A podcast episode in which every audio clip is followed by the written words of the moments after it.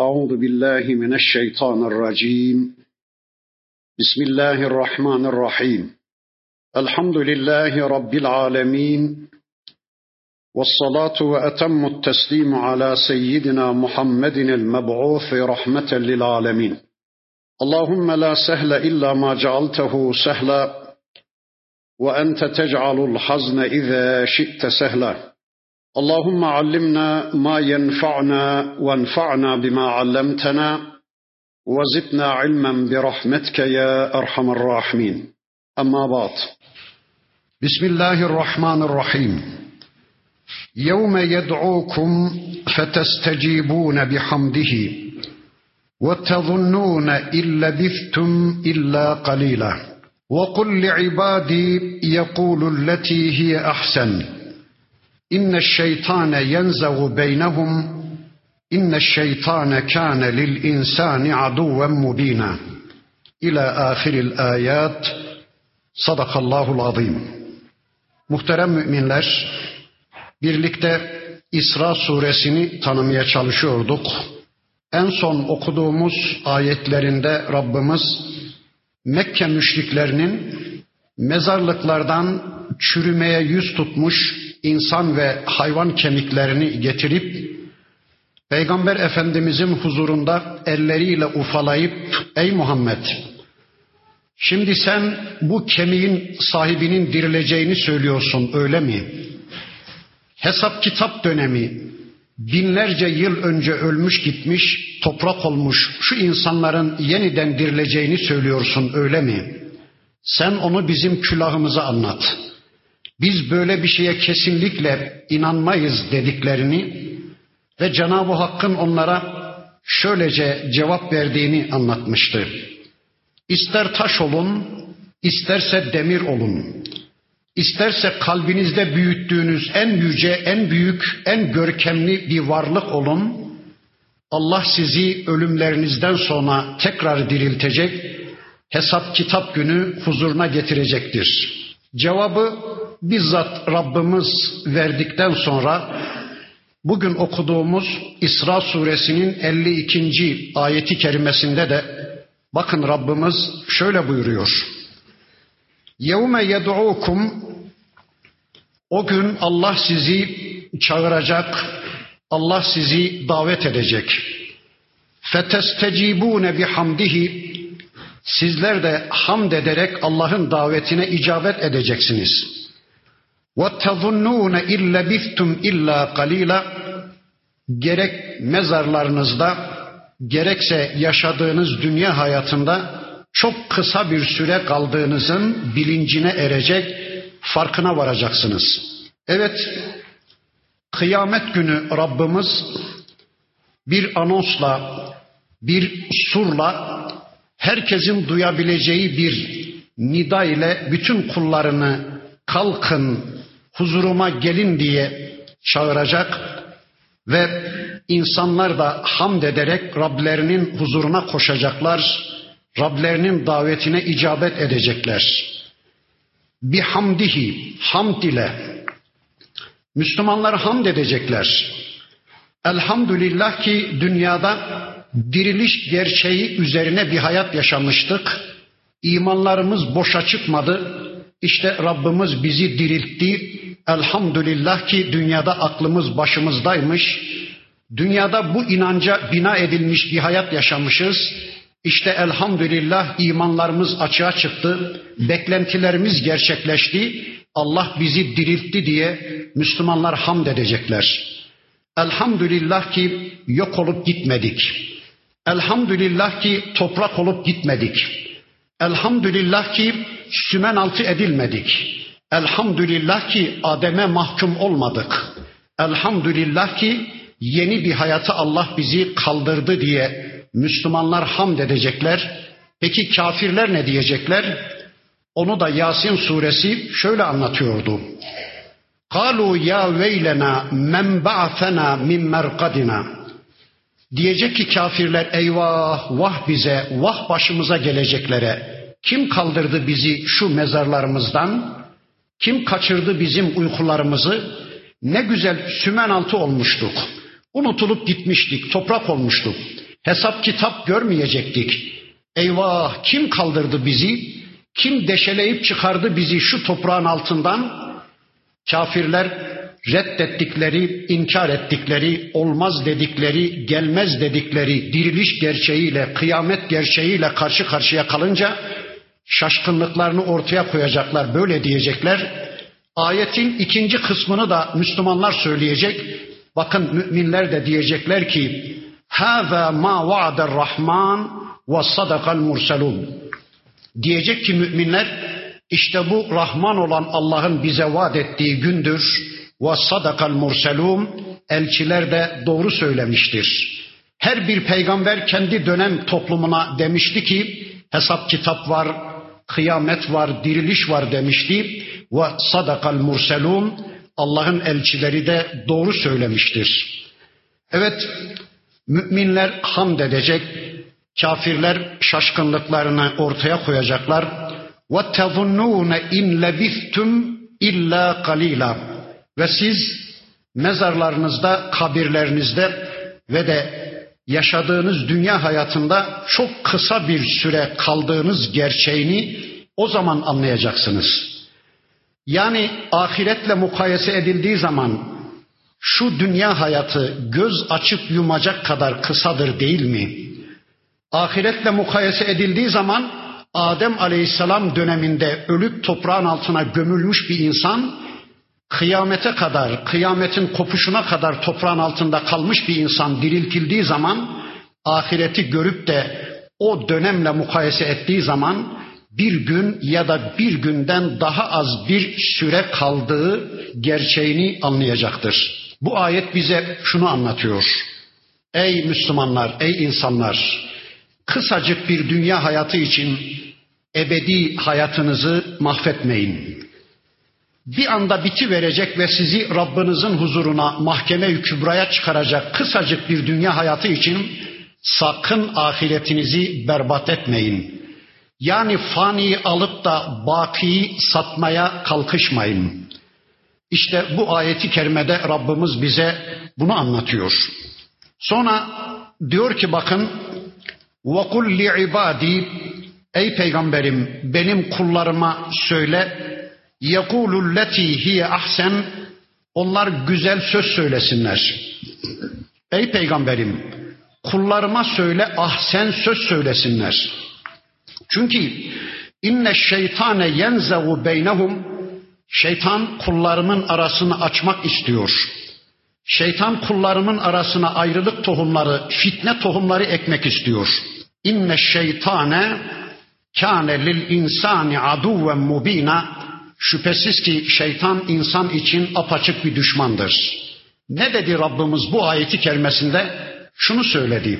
Ey peygamberim kullarıma söyle ahsen söz söylesinler. Güzel söz söylesinler. Peki nedir ahsen söz? Nedir güzel söz? Güzel söz Kur'an'ın beyanıyla وَمَنْ أَحْسَنُ قَوْلًا مِمَّنْ دَعَا إِلَى اللّٰهِ Çevresindeki insanları Allah'a kulluğa çağıran kişiden daha güzel sözlü kim vardır? Demek ki güzel söz insanları Allah'a kulluğa çağıran sözdür. Güzel söz insanları Allah'a itaate çağıran kişinin sözüdür. Öyleyse ey Müslümanlar güzel söz söyleyin. Çevrenizi Allah'a kulluğa davet edin. Her fırsatta çevrenize Allah'ın ayetlerini duyurun Çevrenizi Allah'a itaata davet edin. Böylece güzel söz söylemiş olursunuz. Yine güzel söz Ela inne ahsenel kelam. Dikkat edin sözlerin en ahseni, en güzeli kelamullahil melikil azizil allam.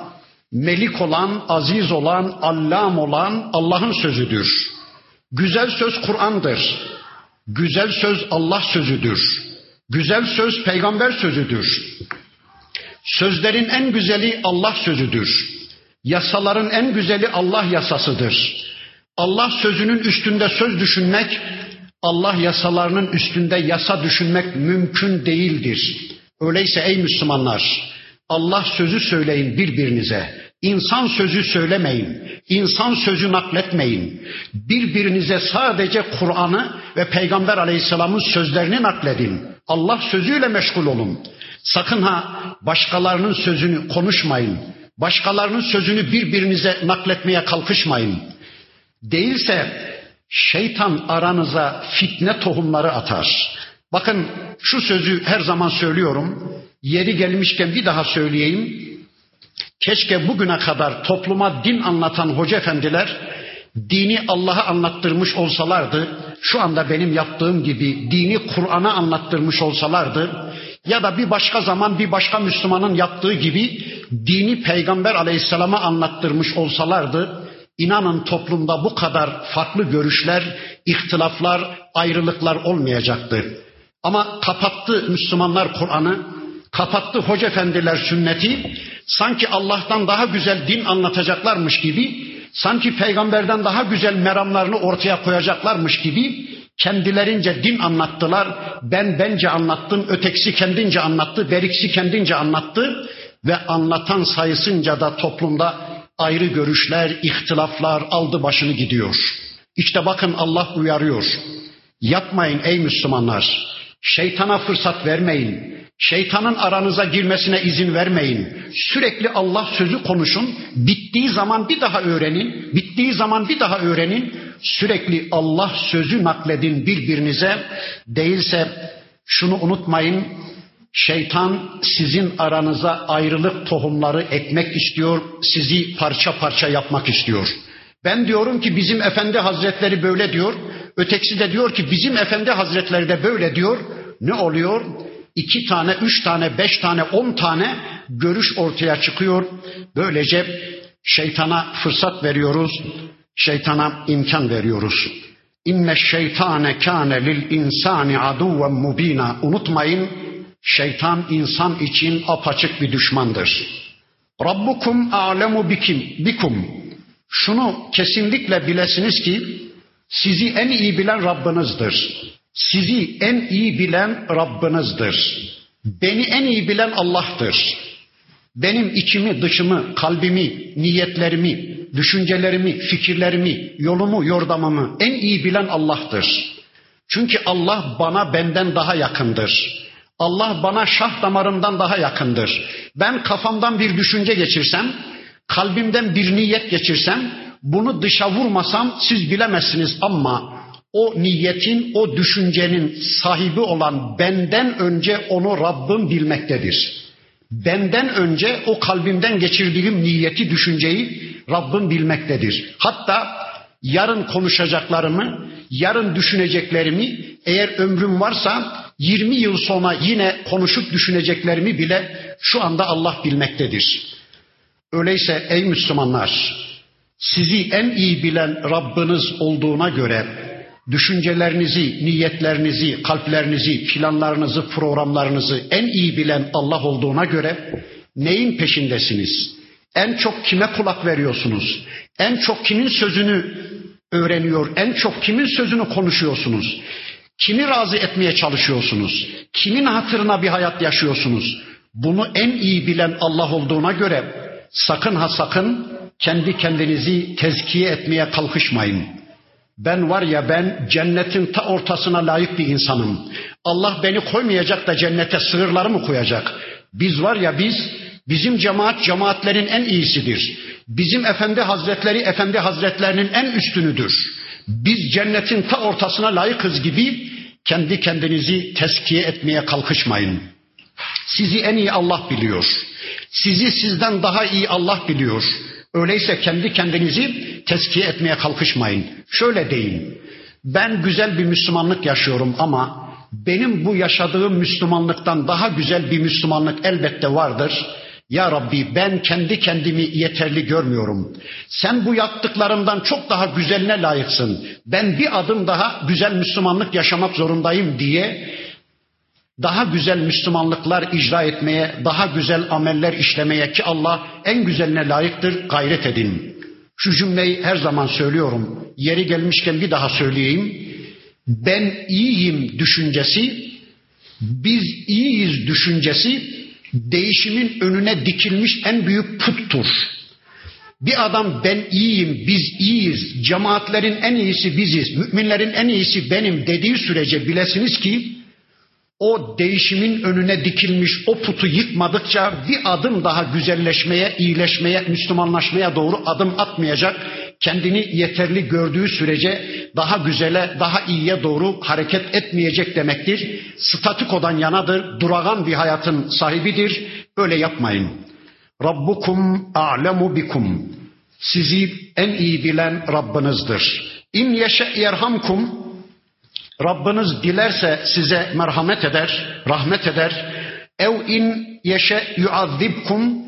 Dilerse de size azap eder.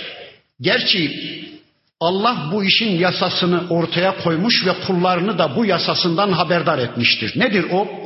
İnsanlar özgür iradeleriyle eğer Allah'ın rahmetine ehil olmayı tercih etmişler, Müslümanca bir hayata yönelmişlerse elbette onların tercihinin gereği olarak Allah da onlara merhamet eder. Ama yo yo ben rahmetten yana değilim. Ben rahmeti filan istemiyorum. Ben cenneti istemiyorum. Ben azaptan gazaptan yanayım. Ben cehennemden yanayım diye insan özgür iradesiyle bir hayata yönelmişse ona da Allah azap edecek. Onu da Allah cehennemine gönderecek. Bu işi Allah insanların iradesine bırakmış. Hatta bu ve benzeri ayetleri şöyle tercüme etmek biraz daha hoş Men yaşa ifadeleri var ya, dileyeni Allah rahmetine mazhar kılar, dileyeni de Allah azabına, gazabına maruz bırakır. Buradaki meşiyet, dileme bizzat insana aittir diyenler de var. Öyle de böyle de anlayabiliriz. Değişen bir şey yoktur.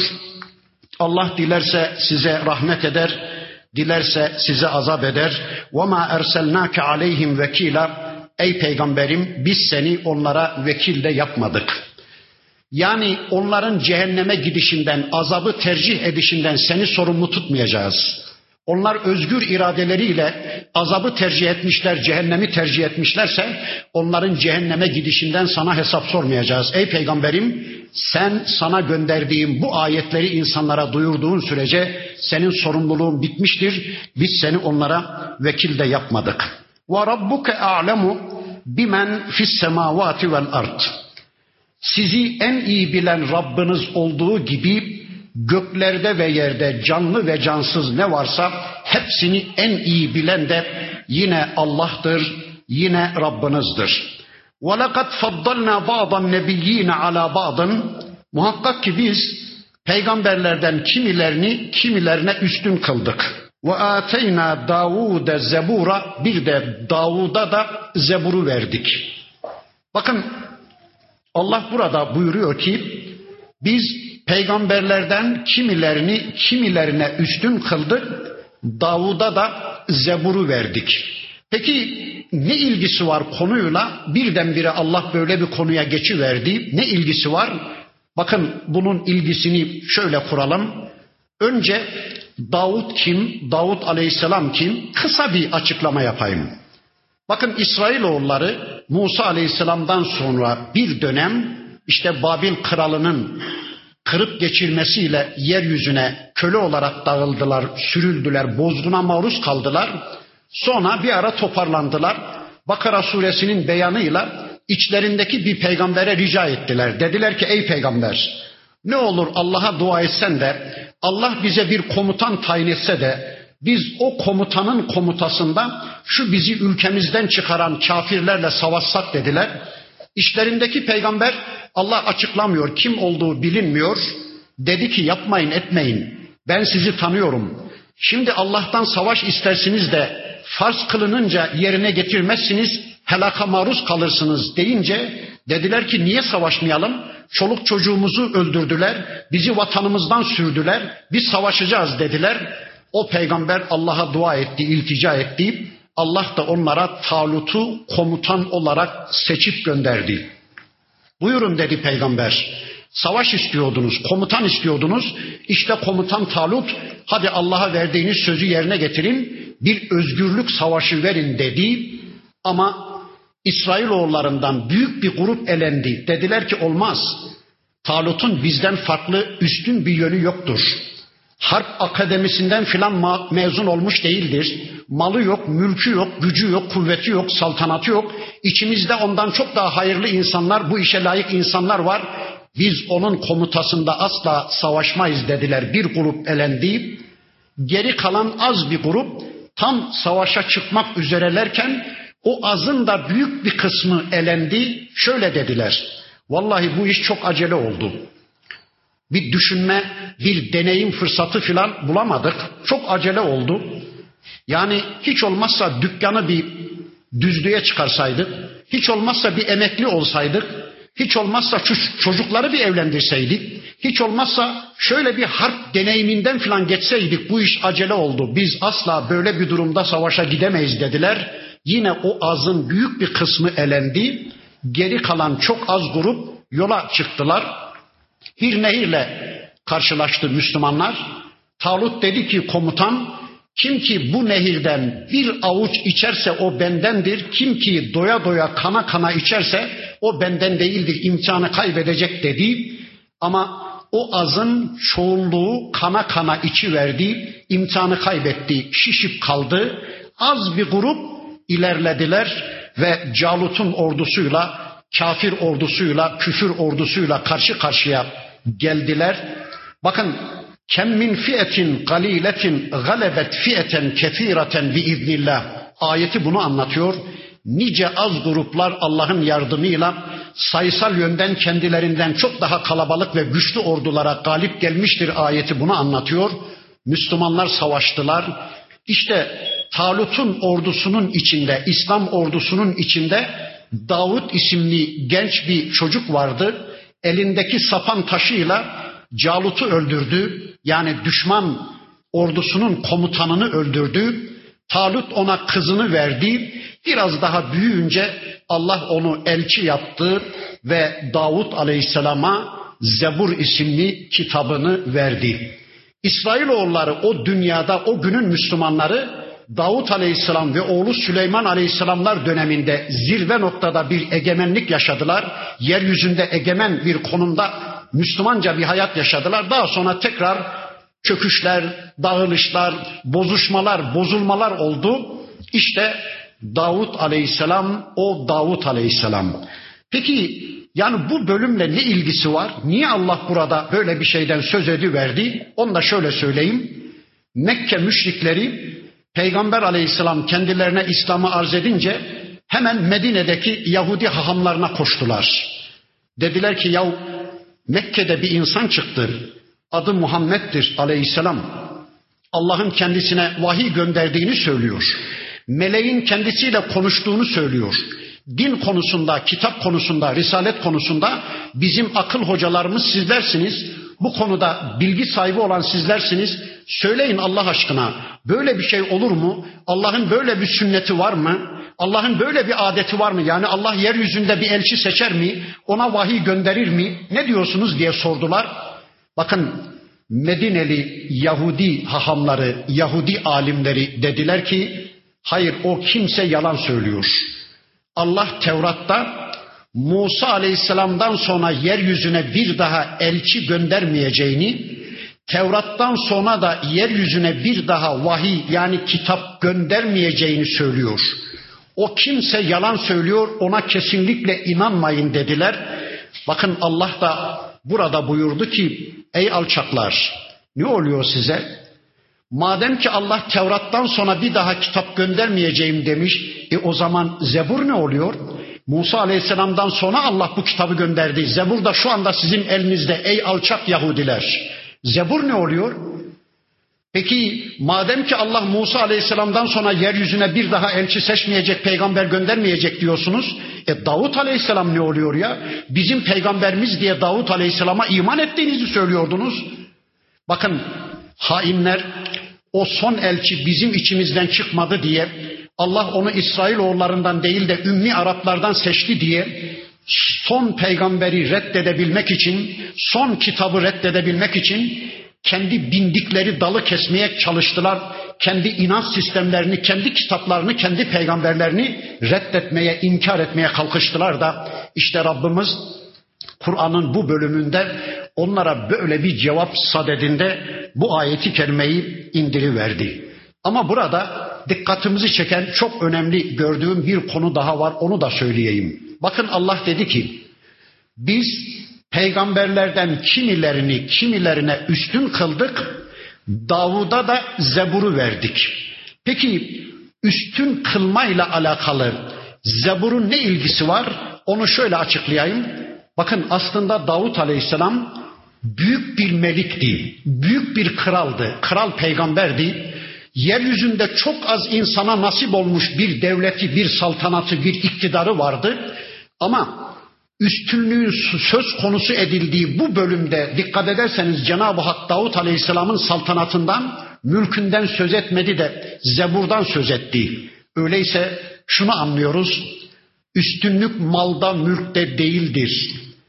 Üstünlük makamda, mansıpta değildir. Üstünlük devlette, iktidarda, saltanatta değildir. Üstünlük ilimdedir. Üstünlük vahiden haberdar olmaktadır. Yani mal mülk sahipleri üstün değildir İslam değer yargısına göre. Makam mansıp sahipleri üstün değildir. İlim sahipleri üstündür. Vahiy sahipleri üstündür. Vahiy bilenler üstündür. Vahiy eşliğinde bir hayat yaşayanlar üstündür. İşte bu münasebetle Rabbimiz bu ayeti kerimesinde bu konuyu son derece açık ve net bir biçimde bize ortaya koyuverdi. Sonra bakın şöyle buyuruyor. قُلِ دُعُ الَّذ۪ينَ زَعَمْتُمْ مِنْ دُونِهِ Ey müşrikler! Şu Allah berisinde kendilerinde güç kuvvet gördüğünüz, imkan fırsat bildiğiniz, iktidar, etki ve yetki kabul ettiğiniz şirklerinizi, putlarınızı çağırın bakalım. فَلَا يَمْلِكُونَ كَشْفَ الضُّرِّ عَنْكُمْ Onlar sizden hiçbir zararı defedemezler, kaldıramazlar. وَلَا تَحْو۪يلًا O zararı değiştirme gücüne de sahip olamazlar. Çağırın şu Allah berisinde dua ettiklerinizi. Çağırın şu Allah berisinde kendilerine sığınmaya çalıştıklarınızı. Çağırın şu Allah berisinde egemenliği kendilerinde gördüklerinizi. Hadi çağırın bakalım. Bir zararı sizin üzerinizden def edebilirler mi? Bir hastalığınıza şifa bulabilirler mi? Bir fakirliğinizi zenginlikle değiştirebilirler mi? Bir ailevi sıkıntı yaşıyorsunuz, bir dirlik problemi, bir geçim problemi yaşıyorsunuz. Sizi düzlüğe çıkarabilecek birileri var mı? Bir hukuk aşmazı, bir hukuk problemi yaşıyorsunuz. Bir ekonomik sıkıntı içindesiniz. Hadi bakalım sizi onlar sahili selamete çıkarabilirler mi? Düzlüğe çıkarabilirler mi? Kesinlikle hayır. Zarar Allah'ın zararı, fayda Allah'ın faydasıdır. Zararı gönderen de faydayı gönderen de Allah'tır. Zararı gönderen de o zararı kaldırma gücüne sahip olan da Allah'tır. Allah kullarından birine ya da herhangi bir topluma bir zarar göndermeyi murad etmişse o zararla o toplumun arasına girebilecek, onu engelleyebilecek hiçbir güç ve kuvvet yoktur. Öyleyse ey insanlar kulluğunuz sadece Allah'a olsun, duanız sadece Allah'a olsun, sığınmanız sadece Allah'a olsun, programı uygulanacak tek varlık hayatınızda Allah olsun, kulluğunuz sadece Allah'a olsun. أولئك الذين يدعون يبتغون إلى ربهم الوسيلة أيهم أقرب ويرجون رحمته ويخافون عذابه إن عذاب ربك كان محظورا İki şekilde anlamlandırabileceğimiz bir ayeti kerimeyle karşı karşıyayız. Birinci manayı inşallah ağır ağır söyleyeyim. Şu müşrikler Allah berisinde bir kısım varlıklara ibadet edenler, Allah dışında bir kısım varlıklara dua edenler, onlara kulluk yapanlar, o varlıkları Allah'la kendi aralarında vesile yapmaya çalışıyorlar. Bunların rızasını kazanırsak Allah'ın da rızasını kazanmış olacağız. Bunlara kulluk eder, bunlara hizmet edersek hizmetimiz Allah'a yapılmış olacak diye o kulları, o varlıkları Allah'la kendi aralarında vesile yaparlar. Böylece eyyuhum akrabu acaba bunlardan hangisinin Allah'la arası iyi?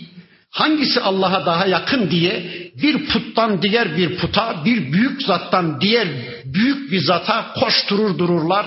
Aman bunun Allah'la arası daha iyiyse bunun eteğinden yapışalım. Buna kulluk edelim, buna dua edelim. Bunaldığımız zaman yardıma bunu çağıralım diye bir varlıktan bir varlığa koşuşturup duruyorlar. Allah'ın rahmetini umuyorlar ve Allah'ın azabından, Allah'ın gazabından da korkuyorlar. Çünkü Allah'ın azabı gerçekten korkulmayacak bir azap değil, basit bir azap değil. Ayetin birinci manasını kısaca söyledim. İkinci manası şu müşriklerin putlaştırdıkları, kendilerine sığınmaya çalıştıkları, kendilerine dua etmeye çalıştıkları, hatırını kazanmaya çalıştıkları putlar ve salih kişiler aslında onlar her vesileyle Allah'a kulluk etmeye çalışan, Allah'ın rahmetini uman, Allah'ın azabından, gazabından korkan kimselerdir. Kim onlar? Mesela İsa Aleyhisselam'ı putlaştırdılar. Şu anda bir yığın insan ona dua ediyor, ona kulluk ediyor, ona sığınıyor ya. Ya da kimileri Üzeyir Aleyhisselam'ı putlaştırdı veya kimileri bir dönem Mekke müşrikleri melekleri putlaştırdılar. Allah'la kendi aralarında onları vesile yapmaya çalıştılar. Ya da şu anda kimileri ölmüş gitmiş nice salih insanları, nice salih Müslümanları bir ömür boyu sadece Allah'a kulluk etmiş, her vesileyle Allah'a yaklaşmayın kavgasını vermiş, nice salih kişileri putlaştırıyorlar. Bakın burada Allah diyor ki yahu size ne oluyor? Şu bana karşı eş ve ortak koşmaya çalıştığınız, benim berimde kendilerine dua etmeye, kendilerine sığınmaya çalıştığınız varlıklar bir ömür boyu bana kulluk etmiş, her bir vesileyi kullanarak bana yaklaşmaya çalışmış, benim rahmetimi umarak azabından bana sığınmış olan kullarım. Size ne oluyor? Kendileri bir ömür boyu kulluk etmiş bu varlıkları tanrılaştırmaya, bana eş ve ortak koşmaya çalışıyorsunuz. İsa Aleyhisselam bir ömür boyu sadece Allah'a kulluk etmiş ve çevresindekileri sadece Allah'a kulluğa çağırmış. Üzeyir aleyhisselam öyle yapmış. Düşünün melekler göz açıp yumacak kadar kısa bir süre bile isyan içinde olmadan Allah'a kulluk eden, Allah'ın rahmetini uman, Allah'ın azabından korkan melekleri putlaştırmış insanlar ya da kimi salih kişileri putlaştırmışlar. İşte Allah diyor ki ne oluyor yahu size? Sizin bu putlaştırdığınız varlıklar, kendilerine dua etmeye, sığınmaya çalıştığınız varlıklar benim kullarım. Bir ömür bana kulluktan geri durmamış varlıklar. Bunlar bile bana ortak olamazken, bunlarla bile vesile yapamazkeniz, yapamaz iken bunun dışındakiler haydi haydi benim ortağım olmazlar. Kesinlikle bu yaptığınız yanlıştır. Bu küfürlerinizden ve şirklerinizden vazgeçin diyen bir ayetle karşı karşıyayız. Ondan sonra bakın Rabbimiz şöyle buyuruyor. Ve in min qaryetin hiçbir köy, hiçbir şehir, hiçbir kent, hiçbir kasaba, hiçbir yerleşim merkezi yoktur ki illa nahnu muhlikuha qable yevmil kıyameti ev muazzibuha azaben şedida. Biz o toplumu ya bir helak yasasıyla yok etmiş olmayalım ya da şiddet bir azapla o topluma azap etmiş olmayalım ki kıyamet öncesi. Yani Allah diyor ki bu ayeti kerimede ey kullarım şu köydekiler, şu kasabadakiler, şu şehirlerdekiler, şu kentlerdekiler siz onların içinden kimilerini özelleştiriyorsunuz. Bunların Allah'la arası iyidir. Bunlar Allah'a çok yakındır. Biz de bunlara kulluk edelim, bunlara sığınalım, bunlara dua edelim diye onları özelleştiriyorsunuz. Ne oluyor? Hiçbir köy, hiçbir kasaba, hiçbir şehir halkı yoktur ki kıyametten önce ya bir azapla, gazapla, helak yasasıyla yok olup gitmiş olmasınlar ya da Müslümanca bir hayat yaşamışlarsa eğer vadeleriyle ölüp gitmiş olmasınlar. Yani ölümsüz bir tek insan, bir tek kasaba, bir tek şehir, bir tek kent olmadığına göre ne oluyor da ölümlü varlıkları tanrılaştırmaya kalkıyorsunuz? Ne oluyor da hayatlarına bile sahip olamayan, ölüme bile çare bulamayan bu fanileri putlaştırıp bana ortak kılmaya, ortak etmeye çalışıyorsunuz? Kâne zâlike fil kitabi mestura. Zaten bu bir kitapta yazılıdır. Levh-u mahfuzda yazılıdır. Kader kitabında yazılıdır. وَمَا مَنَعَنَا en nursile bil ayati bizim mucize göndermemize, görsel ayetler göndermemize engel olan şey illa en kezzebe bihel evvelun önceki toplumların gönderdiğimiz o tür mucizeleri, görsel ayetleri yalanlamış olmalarıdır, inkar etmiş olmalarıdır. Bakın hemen hemen önceki surelerde hatırlayın her bir peygamberin toplumu o peygamberden görsel ayetler istemişler. Mucize istemişler. Ey peygamber boşuna yorma kendini. Biz sana da senin Allah'ına da asla iman etmeyeceğiz. Bir tek şartla belki iman edebiliriz.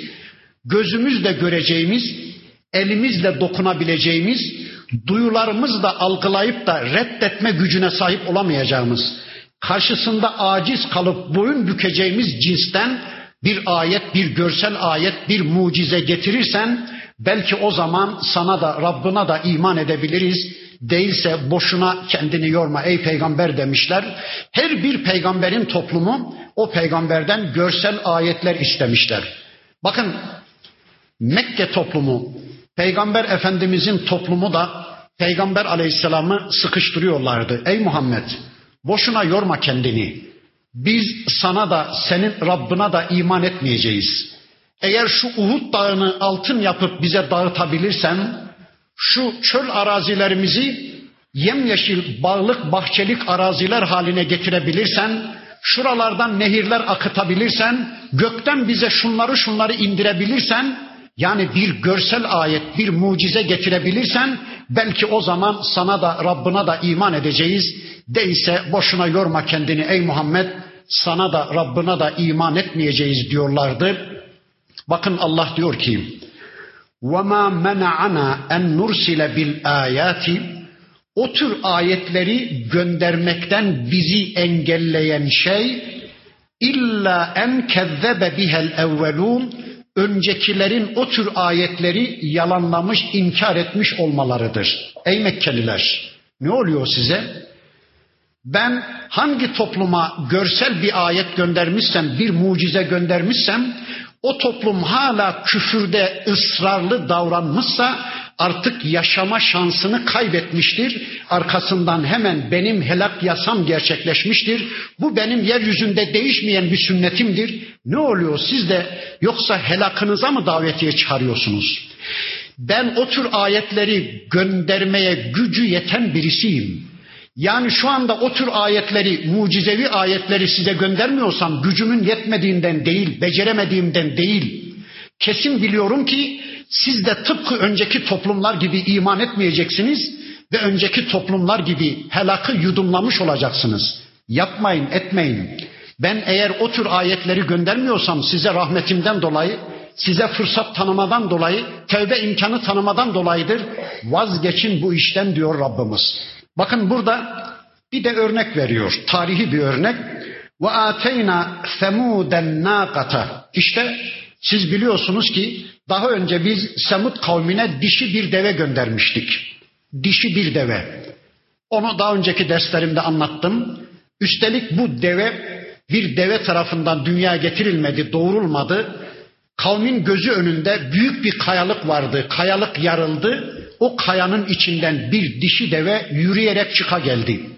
Mucize bir deveydi, büyük bir deveydi. Kur'an'ın beyanıyla şehrin kuyularının suyunu bir gün o deve içecekti ve ikinci gün bir önceki gün içtiği suyu süte çevirip bütün kavme süt ikram edecek, bütün kavmi doyuracak büyüklükte mucize bir deveydi.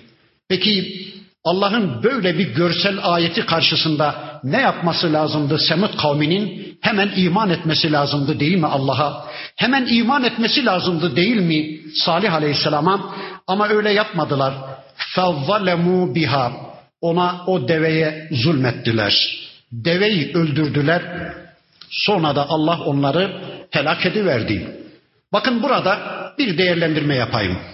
Allah Muhammed ümmetine görsel ayetlerden ziyade, mucizelerden ziyade şöyle bir kitap gönderdi ki içinde altı bin küsür ayet bulunan bir kitap gönderdi ki bir mucize indirdi ki Rabbimiz o görsel ayetlerden binlercesinden daha üstün bir mucizedir bu. Nasıl? Bakın görsel ayetler o dönem insanını bağlar. Görsel ayetler o dönemde o ayetleri gören gözleri bağlar. Ancak onları etkiler. Bir gün sonra, bir yıl sonra onun etkisi kaybolmuştur. Şu anda bizde keşke bir peygamber gelseydi de bize görsel birkaç mucize gösterseydi de biz de ikna olup iman etseydik diye beklememize gerek yoktur. Allah bize öyle bir kitap göndermiş ki çağlayanlar kıyamete kadar bakan her göze hitap eden, işiten her kulağa hitap eden, hisseden her kalbe hitap eden ve kıyamete kadar bütün insanlığı hidayete, imana ve cennete ulaştıran bir çağlayan var önümüzde. Kıyamete kadar dipdiri ayakta duracak ve insanlığı hidayete ulaştıracak bir kitap göndermiş Allah. Bu mucize öteki mucizelerden çok daha üstün bir mucizedir. İşte Rabbimiz bu ayeti kerimesinde son derece açık ve net bir biçimde bize bunu anlatıyor ve sonra diyor ki: "Vema nursulu bil ayati illa takfifa." Zaten o tür ayetleri biz sadece insanları korkutmak için göndeririz. Geçici bir dönem etkisi vardır, tesiri vardır. Ondan sonra artık etkisi kaybolur. Sadece onu gören gözlerle sınırlı, sadece o dönemde yaşayan insanlarla sınırlı ayetler ama Kur'an kıyamete kadar bütün insanlığı hidayete ulaştırma özelliğine sahip bir mucizedir. Ve iz kulna leke hatırla ey peygamberim sana demiştik ki inne rabbeke ehata bin nasi. Şüphesiz ki senin Rabbin bütün insanları kuşatmıştır. Bakın İsra suresinin başında o dönem derslerimize takip eden kardeşlerimiz hatırlayacak. Şöyle bir cümle söylemiştim. Bu sure hicretin yaklaştığı günlerde nazil olan Peygamber Efendimiz'i ve Müslümanları hicrete hazırlayan bir suredir demiştim. Bakın işte burada geldi. Allah diyor ki ey peygamberim biz dedik ki sana ey peygamberim Rabbin bütün insanları ihata etmiş, kuşatmıştır. Bütün insanların boyunlarındaki ipin ucu Rabbin elindedir. Ne demek yani? Ey peygamberim hiç korkma. Sen sağ salim Mekke'den çıkacaksın. Kimse senin kılına dokunamayacak. İnsanların ipleri benim elimde olduğuna göre ben izin vermedikçe kimsenin sana zerre kadar bir zarar vermesi mümkün değildir. Sen salim, sağ salim Mekke'den Medine'ye gireceksin. Sağ salim Medine'ye gireceksin. Orada devletini kuracak. Kısa bir süre sonra yine bir orduyla sağ salim Mekke'ye tekrar gireceksin. Tüm Suudi Arabistan yarımadasına egemen bir konuma geleceksin. Biz bunu sana söyledik ey peygamberim. Sonra وَمَا جَعَلْنَا الرُّؤْيَا اَلَّتِي اَرَيْنَاكَ Şu sana gösterdiğimiz ayetler, rü'ya var ya illa fitneten linnasi biz onu insanlar için bir fitne, bir denenme sebebi, bir imtihan sebebi yaptık.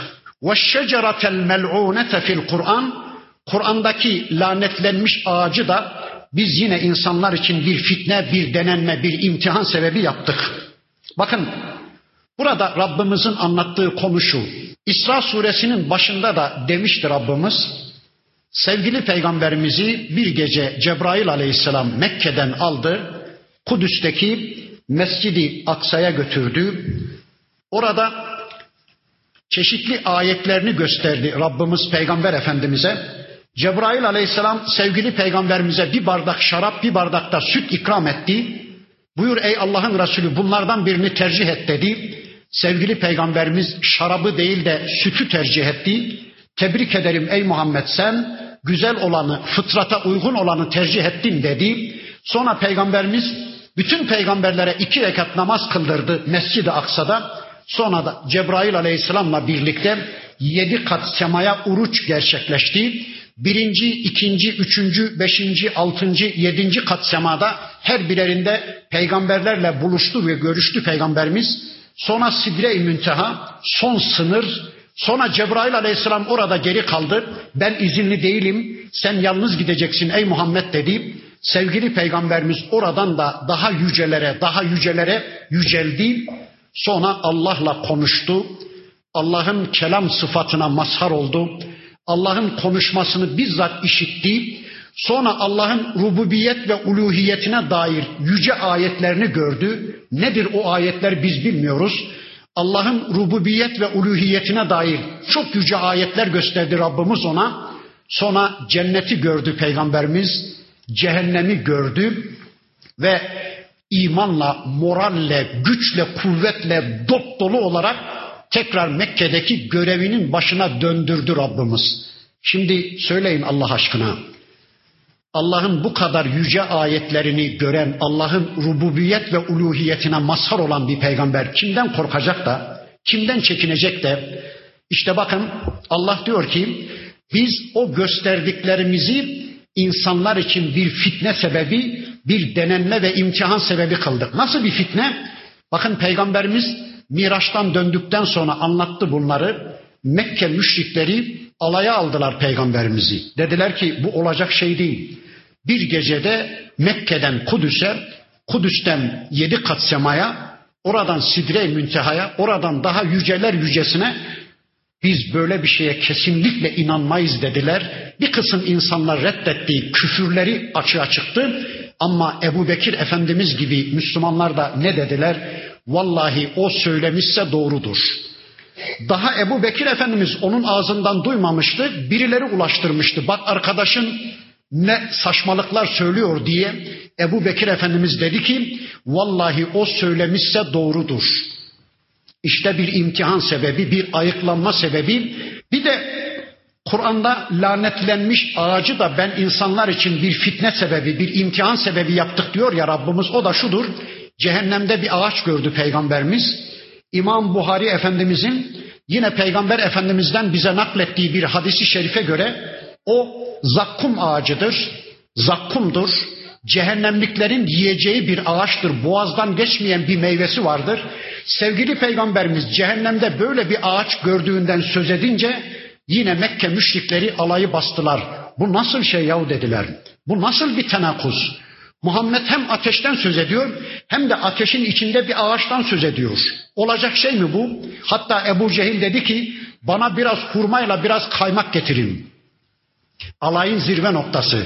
Aslında hurmayla kaymak birlikte yenmez de sırf peygamberimizle alay etmek için dedi ki yahu cehennemde bir ağaç olursa, ateşin içinde bir ağaç olursa hurmayla da kaymak yemek mümkün olur dedi. Bana biraz hurma ve kaymak getirin dedi. Alay etmeye kalkıştı. Anlayamadılar Allah'ın gücünü. Onlar zannettiler ki şu bizim bildiğimiz ağaçlardan bir ağaçtır.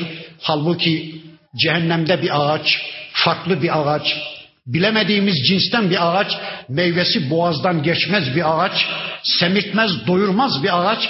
İşte Allah diyor ki biz onu da insanlar için bir imtihan sebebi yaptık.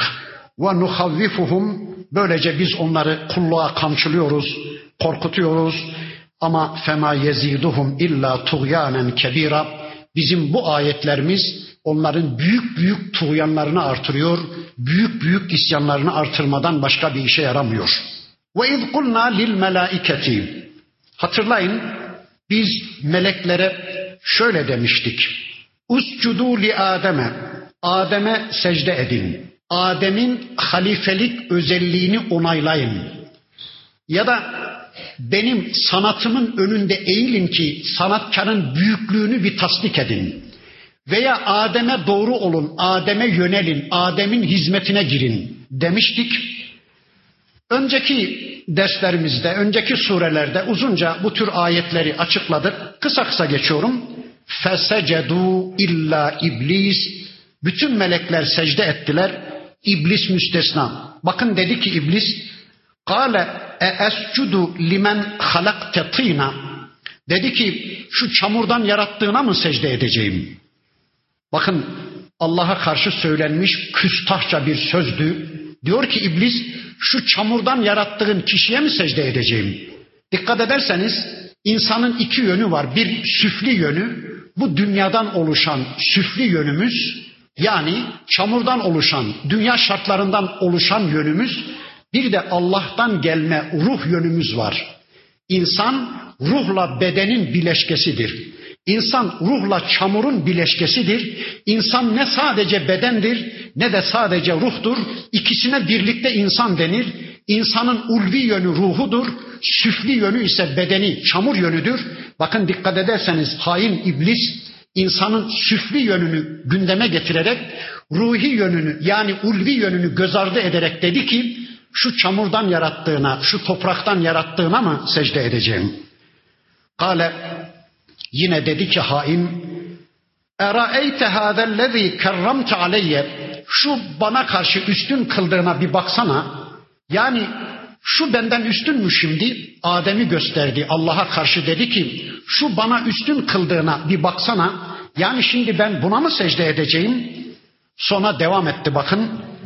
İn ahharteni ila yevmil kıyameti eğer beni kıyamet gününe kadar ertelersen, beni öldürmezsen, bana imkan ve fırsat tanırsan ahtenikenne zürriyetehu illa kalila.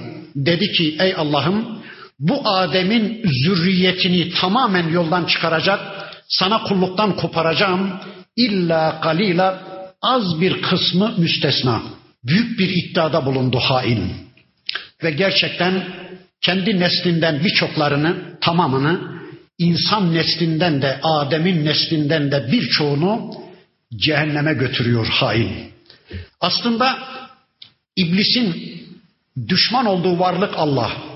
Aslında iblisin savaşı Allah'la da Allah'la baş edemeyeceğini bildiği için hedef saptırıyor. Kendisine Adem'i sanki hedefmiş gibi seçiyor. Adem'e ve nesline düşman gibi, gibi davranıyor. Aslında düşmanlığı Allah'la hainin diyor ki ben onun neslini sana kulluktan çıkaracak, kendime kul köle edineceğim. Peki Allah ne dedi ya? Kâledheb. Hadi git bakalım. Hadi sana izin verdim. Femen tebi'ake minhum fe inne cehenneme cezaukum cezaen mevfura. Sen ve sana tabi olanlar için ben tam bir ceza olarak, muvafık bir ceza olarak bir cehennem, bir ateş hazırladım. Ey iblis, hadi bakalım. Seni de sana tabi olanları da, seni dinleyenleri de, bana kulluktan vazgeçip senin peşine takılanları da ben size layık bir cehennem azabına göndereceğim. وَاسْتَفْسِزْ مَنْ اِسْتَدَاتَ Hadi güç getirdiklerini yerinden oynat. Gücün yettiklerinin ayağını kaydır. Minhum bi savtike sesinle, soluğunla, yaygaranla, bağrığınla, basınınla, yayınınla yani televizyonlarınla, basınlarınla, yayınlarınla, yaygaralarınla insanların ayaklarını kaydır. Veclib aleyhim bi haylike ve racilike yayaların, yayalarınla, atlılarınla kullarımın üzerine üşüş çullan ve şarikum fil emvali vel evladi. Bakın şu anda Amerika, şu anda Yahudilik ve Hristiyanlık dünya, şeytan direktifinde hareket eden, şeytanın ordusu olan şu andaki Amerika, şu andaki Yahudilik ve Hristiyanlık dünya sırf yaygara yapıyorlar. Basınlarıyla, yayınlarıyla, televizyonlarıyla sanki bütün dünyaya egemenmiş gibi, sanki bütün dünyaya hükmediyorlarmış gibi bir ruh haleti içinde insanlara kendilerini güçlü göstermeye çalışıyorlar. Şeytan da öyle. Zaten onlar şeytanın orduları. Ama Allah diyor ki onların kesinlikle hiçbir gücü ve kuvveti yoktur. Sadece gösterişten ibaret yaygaracıdır onlar. İşte geliyorlar, gidiyorlar, atomlar, bilmem uçaklar. Böyle sanki bütün dünya insanlığını korkutmaya çalışıyorlar. Allah diyor ki hadi ey iblis yap bakalım. Yap da insanların evlatlarına ve mallarına da ortak ol.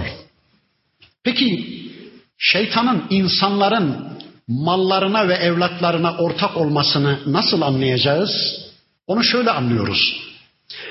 Allah'ın izin vermediği, Allah'ın meşru görmediği, Allah'ın güzeldir, iyidir, helaldir demediği yerlerden kazanılan malların tamamı şeytanın ortak olduğu mallardır. Allah'ın izin vermediği, Allah'ın müsaade etmediği, şuralarda şuralarda harcamayın, haramdır, israftır dediği yerlerde yapılan harcamaların tamamı şeytan ortaklığındaki harcamalardır. Allah'ın izin vermediği, helal demediği, nikah dışı gayrimeşru ilişkilerle erişilen çocuklar bilesiniz ki şeytan ortaklılığındaki evlatlardır. Allah'ın izin vermediği, meşru görmediği yerlere yatırım yapılan çocuklar da bilesiniz ki şeytan ortaklığındaki evlatlardır, çocuklardır. Allah için söyleyin bana. Nereye yatırım yapıyorsunuz çocuklarınızı? Aman mühendisliğe, aman bilgisayara, aman şu şu okullara. Niye? iyi para getirir. Yahu yapmayın. Tanrılığa soyunmayın. Siz Tanrı değilsiniz. Bana düşen çocuğumu Müslümanca eğitmektir. İmam Hatip'te mi, Kur'an kursunda mı, medresede mi? Bana düşen çocuğumu Müslümanca eğitmektir. Çocuğuma Kur'an sünnet bilgisi kazandırmaktır. Onun rızkı Allah'a ait ya. Ben Tanrı falan değilim ki ya. Ben Tanrı değilim. Kendinizi tanrılaştırmayın, tanrı yerine koymayın. Bırakın rızkı Allah kendi üzerine almış.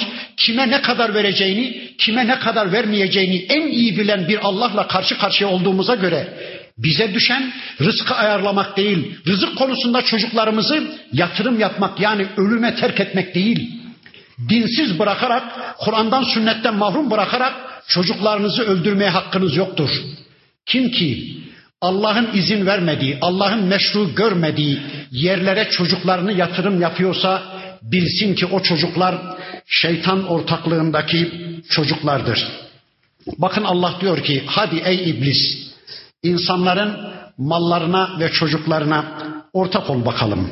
Vaidhum vaat etsen insanlara ama ve ma ya'iduhumu şeytan illa gurura unutmayın ey Allah kulları Şeytan sadece aldanmayı vaat eder. Şeytan sadece aldanmalar vaat eder. Ne vaat ediyor? Bakın şu anda insanlara şunları vaat ediyor.